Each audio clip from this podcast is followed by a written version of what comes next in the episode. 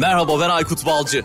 Artık ofiste beraberiz. Günlük çalışma ortamında yaptığımız sohbetleri, kahve aralarında konuştuğumuz hikayeleri, keyif aldığımız her şeyi ve çok daha fazlasını Hedef Filo'yla Değişik Kafalar podcast'inde konuğumla birlikte konuşuyoruz. Biz değişik kafalarız.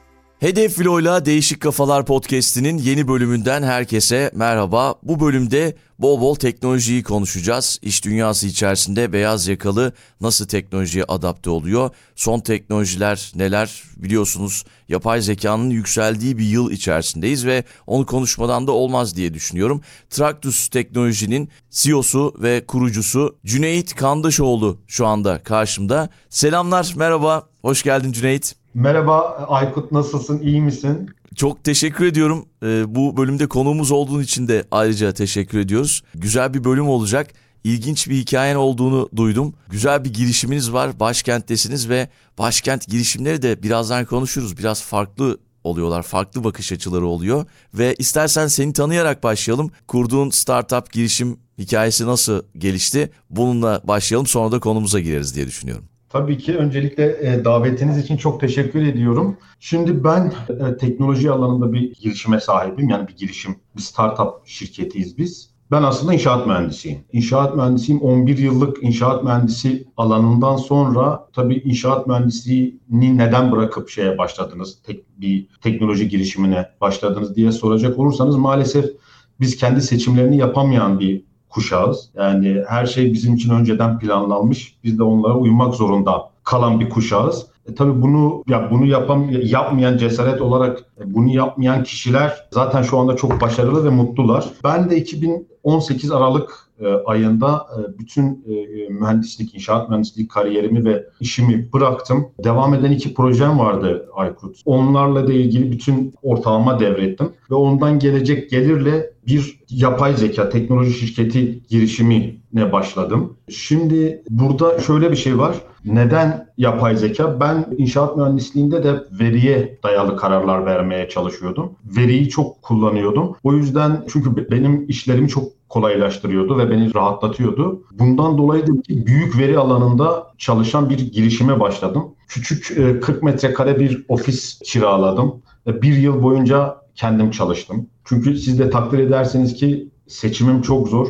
Hiç bu alanda çalışmadım. Bu alanla ilgili bilgim yok. Ondan sonra teknik altyapıya sahip değilim. O yüzden bir yılı kendime ayırdım. Online eğitimler aldım. Birçok kitap okudum bununla ilgili. En azından konuyla ilgili daha teknik detaya hakim olabileyim diye. Ondan sonra 2019 Mart ayında 7 Mart'ta Traktus Teknoloji'yi kurduk. Traktus ismini bilen bizi bir sağlık sektöründe bir girişim zannediyor. Çünkü Traktus bir tıp terimi. Bu arada Traktus'un isim annesi de eşim o doktor olduğu için. Evet. E, Traktus e, ne demek? Sinir iplikleri demeti. Ondan sonra ben de bizim nöral ağ ve yapay zeka arasındaki ilişkiden dolayı zaten logomuz da bununla ilgili. Çok yakın buldum ve çok ilginç geldi. Türkiye'de de yoktu açıkçası bu alanda. O bu yüzdendir ki o 2019 Mart ayında Traktus Teknoloji Yazılım AŞ'yi kurdum. Sonra bir yıl sonra hedeflediğimden bir yıl sonra çok ilginç bir şekilde yolumuz Erkut'la kesişti. Erkut Bilkent Bilgisayar Mühendisi, Lin'den mezun. Tam benle böyle kurucu ortaklık yapacak bir kişi. CTO olarak iki kurucu olduk. Teknik tarafta Erkut, diğer tarafta ben olmak üzere. Şu anda 11 kişilik bir ekibiz ve büyük veri analitiği alanında çalışan bir platformumuz var ve büyük şirketlerle çalışıyoruz. Yani böyle başlayabilirim. Harika gerçekten. Girişte söylediğin şeye takıldım. Yani bizim kuşak böyle istediği mesleği yapamıyor, yapamadı dedin. Çok doğru gerçekten de. Özellikle belki ailelerimizin yönlendirmesi, yanlış yönlendirmesi demeyeyim ama daha böyle garantici işlere bizi yönlendirmişler. Bir de sistem de onu gerektiriyor. Bir sınava giriyorsunuz. İşte orada bir yerleri yazmanız gerekiyor geçmişte okuduğunuz, lisede okuduğunuz bölüm de çok etkili ve çok radikal bir kararla sen son dönemin böyle popüler terimlerinden kariyer change yapmışsın. Ama yani geçiş çok değişik değil mi yani? inşaat mühendisliğinden veri veriye geçmek, veri analitiğine geçmek çok gerçekten tebrik ediyorum seni. Ya tabii ki bazılarına göre e, çok büyük bir risk ve yani saçma bulanlar da oldu. Ama tabii yani artık kendi sonuçta kendi seçimlerimizle var olacağız. Artık ben de kendi seçimimle en azından o cesareti göstererek kendi seçimle var olmayı seçtim ve bu yolda da ilerliyorum. Yani hayattaki en büyük risk hiç riske girmemektir mottosuyla şu anda Traktus emin adımlarla devam ediyor. Bir yatırım sürecine girdik bu ay. Umarım bunda da başarılı şekilde çıkarız diye düşünüyorum. Kesinlikle çıkarsınız çünkü Ankara'daki girişimler özellikle benim yakından takip ettiğim girişimler ve başarılı işlere imza atıyorlar. Bir de tabii böyle Ankara'nın böyle bir memur havası var ya yani iş yapış şekillerini de o etkiliyor diye düşünüyorum. Yani daha böyle sağlam geliyor sanki bana Ankara'daki startuplar. Ankara'dan başlayan startuplar. Bilmiyorum bana katılıyor musun? Kesinlikle katılıyorum. Yani çok büyük e, örnekler de var karşımızda. O yüzden hani biz zaman olarak da e, trafiğe veyahut da diğer şeylere çok zaman harcamadığımız için o yüzden e, odaklanma olarak çok iyi şeydeyiz bence, pozisyondayız. Bence de. Bir de geçenlerde şey öğrendim, ilginç ilk defa öğrendim. Yatırım almak isteyen girişimlerin mutlaka bir co-founder'ı olması gerekiyormuş. Bana ilginç gelmişti mesela. E, sen de e, yollarımız kesişti dedin ya. Yani evet. İlginç. Ya, Neden evet. peki bunun sebebi ne biliyor musun? Ya şöyle tabii biz e, bu yatırım sürecinde bu şey konuyu çok araştırdık. Özellikle tabii veriyle hareket ettiğimiz veri analizi yapan bir şirket olarak biz de bu konuda bir e, veri analizi yaptık. Şey olarak yani yatırımcılar, VC'ler tek kuru şey tek kuruculu şirketlere e, yatırım yapmayı istemiyorlar ve buna sıcak bakmıyorlar ve bu oran bayağı bir yüksek en az 2 ve daha fazla hatta 3'ten fazlasına da sıcak bakmıyorlar. 2 veya 3 arasına çok sıcak bakıyorlar. E, bu onların elde ettiği tecrübe ve veriden kaynaklanıyor diye düşünüyorum. Biz o konuda şanslıyız çünkü o zaman yatırım turu aramadığım için ben bu konuya hakim değildim. Ama Erkut'la birlikte teknik olarak iki kuruculu bir şirketiz. O da şu anda bize avantaj olarak gözüküyor. Ama maalesef böyle. Tek kuruculu çok iyi girişimler de var tabii ki ama da oransal olarak şey çok daha yüksek. Co-founder. Benim de dikkatimi çeken konulardan biriydi gerçekten bu. Hatta bir girişim şey demişti. Yani benim co-founder'ım yok. Yatırım alamayacak mıyım ben? Alamıyorum. Co-founder'ım bulmam lazım demişti. Çok ilginç gelen konulardan biriydi. Girişte söylemek istedim. Peki evet, evet. yani belki de herkes her şeyi tek başına gerçekleştiremiyor. Bazen destek almak gerekiyor farklı konularda. Biraz aslında siz de şirketler için bunu yapıyorsunuz birçok farklı alanda çözümler üreten bir teknoloji şirketi olarak yıllar içerisinde şirketlere çözümler sunuyorsunuz. Gözlemlediğin kadarıyla şirketlerin istekleri yıllar içerisinde nasıl değişti? Belki bundan bahsedebilirsin bize. Tabii ki ya biz e, bu konuyla ilgili tabii çok karşılaşıyoruz. E, çünkü şirketler artık teknoloji çözümlerine çok fazla yatırım yapıyorlar ve bundan hiç kaçınmıyorlar. Çünkü artık rekabet avantajı elde etmek, yeni iş modelleri geliştirmek ve özellikle müşterilerini daha iyi tanımak, müşteri deneyimlerini arttırmak için birçok tool kullanıyorlar. Birçok teknoloji şirketleriyle çalışıyorlar. Biz de bunlardan bir tanesiyiz. Çünkü bu konuda çok önemli trendler var şu anda. Yapay zeka ve makine öğrenmesi, bulut bilişim, mobil teknoloji gibi. Özellikle yapay zeka ve makine öğrenmesi şirketlerin iş süreçlerini otomatikleştirmelerini ve daha doğru karar vermelerini ve yeni ürünler ve hizmetler geliştirmelerini sağlıyor. Bu nedenle bu şirketlerin bu konuya ilgisi çok fazla. Ama artık şöyle bir noktadayız yani günümüzde şirketler verinin gücünden faydalanmamak gibi bir lükse sahip değiller. Yani bu artık yalnızca vizyon meselesi değil, temel bir zorunluluk. Bulut bilişim, ülkemizde bulut bilişimi, bilişime hala biraz daha uzak olan büyük şirketlerle karşılaşıyoruz. Bizim çalıştığımız şirketler de bunlardan birkaçı da bulut bilişime sıcak bakmıyor. Çünkü veri gizliliği ve güvenliği açısından çekinceleri var. Yani bu şeylerle ilgili şirketlerin şeyi çok fazla. Kesinlikle öyle. Hatta kaygılar da var biliyorsun. Yani birkaç bölüm önce konuşmuştuk. Yapay zeka gelecek işimizi elimizden mi alacak diye ufak ufak da almaya başladı. Çünkü bir chat GPT fırtınası esmeye başladı geçen sene Kasım'dan beri. Ve hani angarya diye tabir edeceğimiz işleri belki yapay zeka ofislerde ufak ufak almaya başladı diye düşünüyorum. Bilmiyorum katılıyor musun? Ya şöyle aslında ben şunu şöyle değerlendiriyorum. Yani bunu e, buna ön yargıyla bakmamak lazım. Çünkü yani profesyoneller bu, bu teknoloji özellikle generative AI konusunda ChatGPT gibi, BART gibi teknolojileri kendi asistanları, kendi yardımcıları gibi kullanabilirler. Hemen başlayabilirler. Günlük rutin işlerini bu teknolojileri kullanarak otomatikleştirebilirler. Zorlu raporlama, sunum işlerini çok daha kısa zamanda yapabilirler. Böylelikle daha fazla zamanları olacak ve daha yaratıcı ve stratejik görevlere odaklanırlar. İş performanslarını arttırırlar ve müşteriyi, müşteri ihtiyaçlarını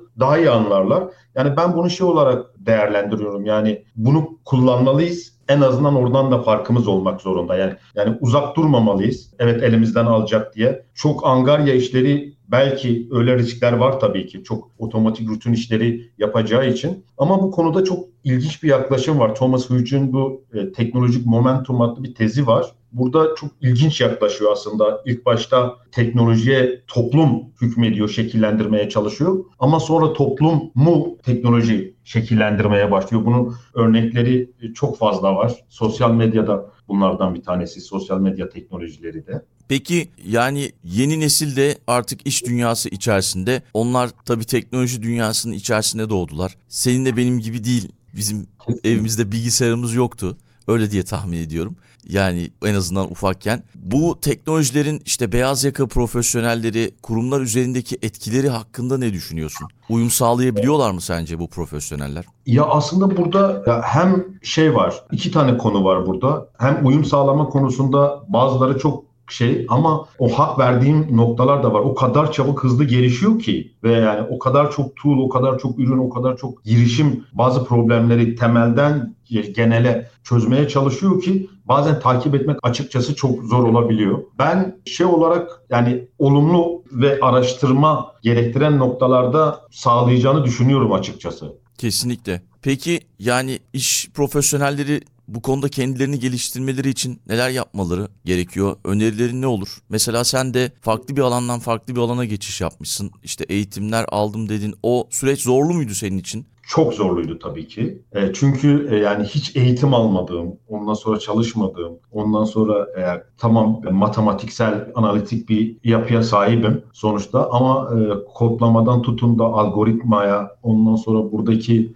bütün süreçler benim için çok zorlu oldu. Birçok eğitim aldım, birçok kitap okudum. Evet ben kendi işimde de veriyi kullanıyordum ama yani, yani veri, büyük veri çok farklı bir şey. Excel'deki veri çok farklı bir şey.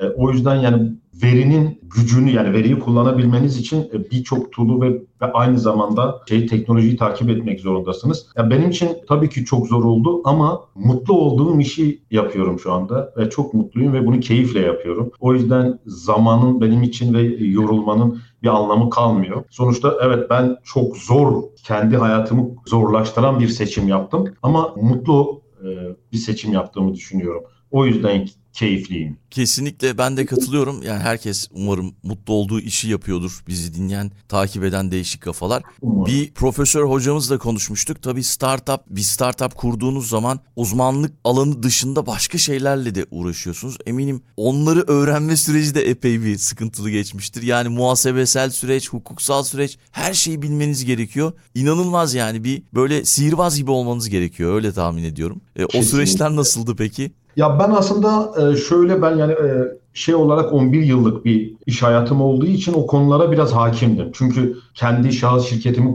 kurdum mezun olur olmaz. Birkaç tane daha e, şirket girişim kurduğum için o konulara hakimdim.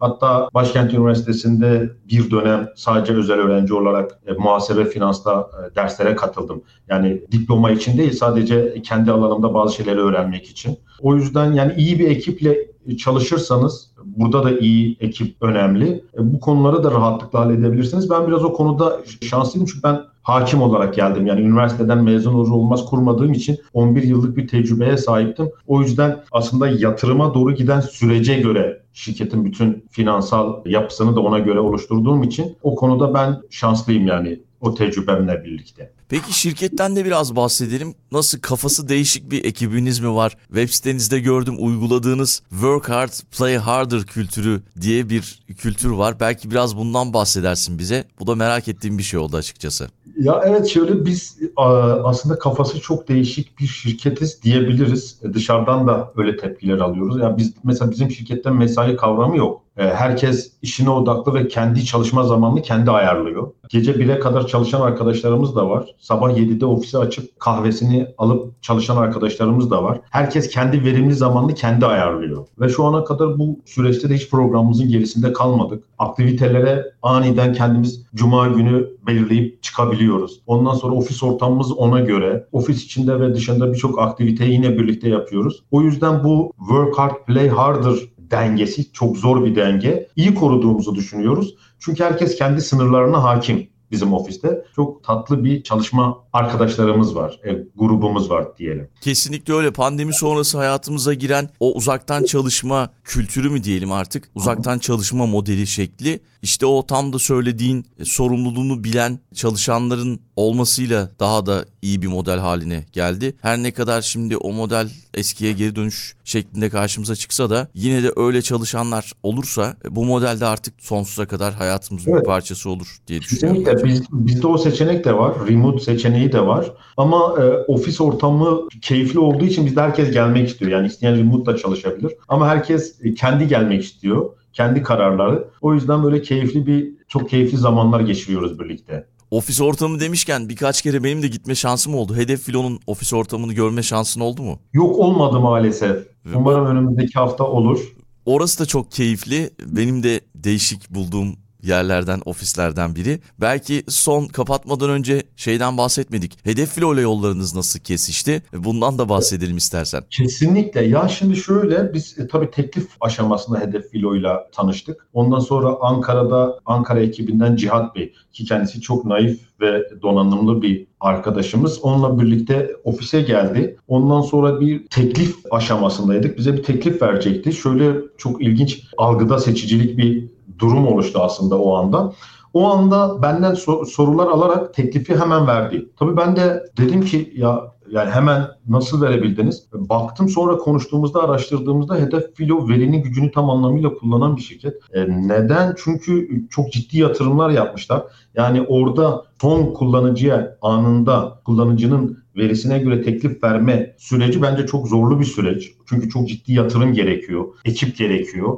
Ondan sonra birçok platforma yatırım yapmışlar. Kendi veri bilimci ekipleri var. Tabii bu da ya bizim çok ilgimizi çekti çünkü bizim işimiz. Ondan sonra tabii Hedef Filo gibi her kurum bu şeyi karşılayamaz. Maliyetleri karşılayamaz. Karşılamak zorunda da değil. İşte tam bu noktada aslında bizim Tractus Analytics asistan olarak bütün bu tool'ları bir arada bulunduran hizmet sunuyor. Umarım ileride hem biz hedef filonun hem de hedef filo bizim müşterimiz olur diye ince de bir mesajla sorunuzu cevaplıyor. Karşılıklı bir işbirliği olur tabii ki umarız. Çok teşekkür ediyorum Cüneyt. Bu bölümde konuğumuz olduğun için güzel bir bölüm oldu. Bir değişik kafasın sen de. Katıldığın çok için çok sağ ol. Çok teşekkür ediyorum bu imkan için. Ee, size de başarılarınızın devamını diliyorum. Ee, saygılarımla. Çok sağ olun.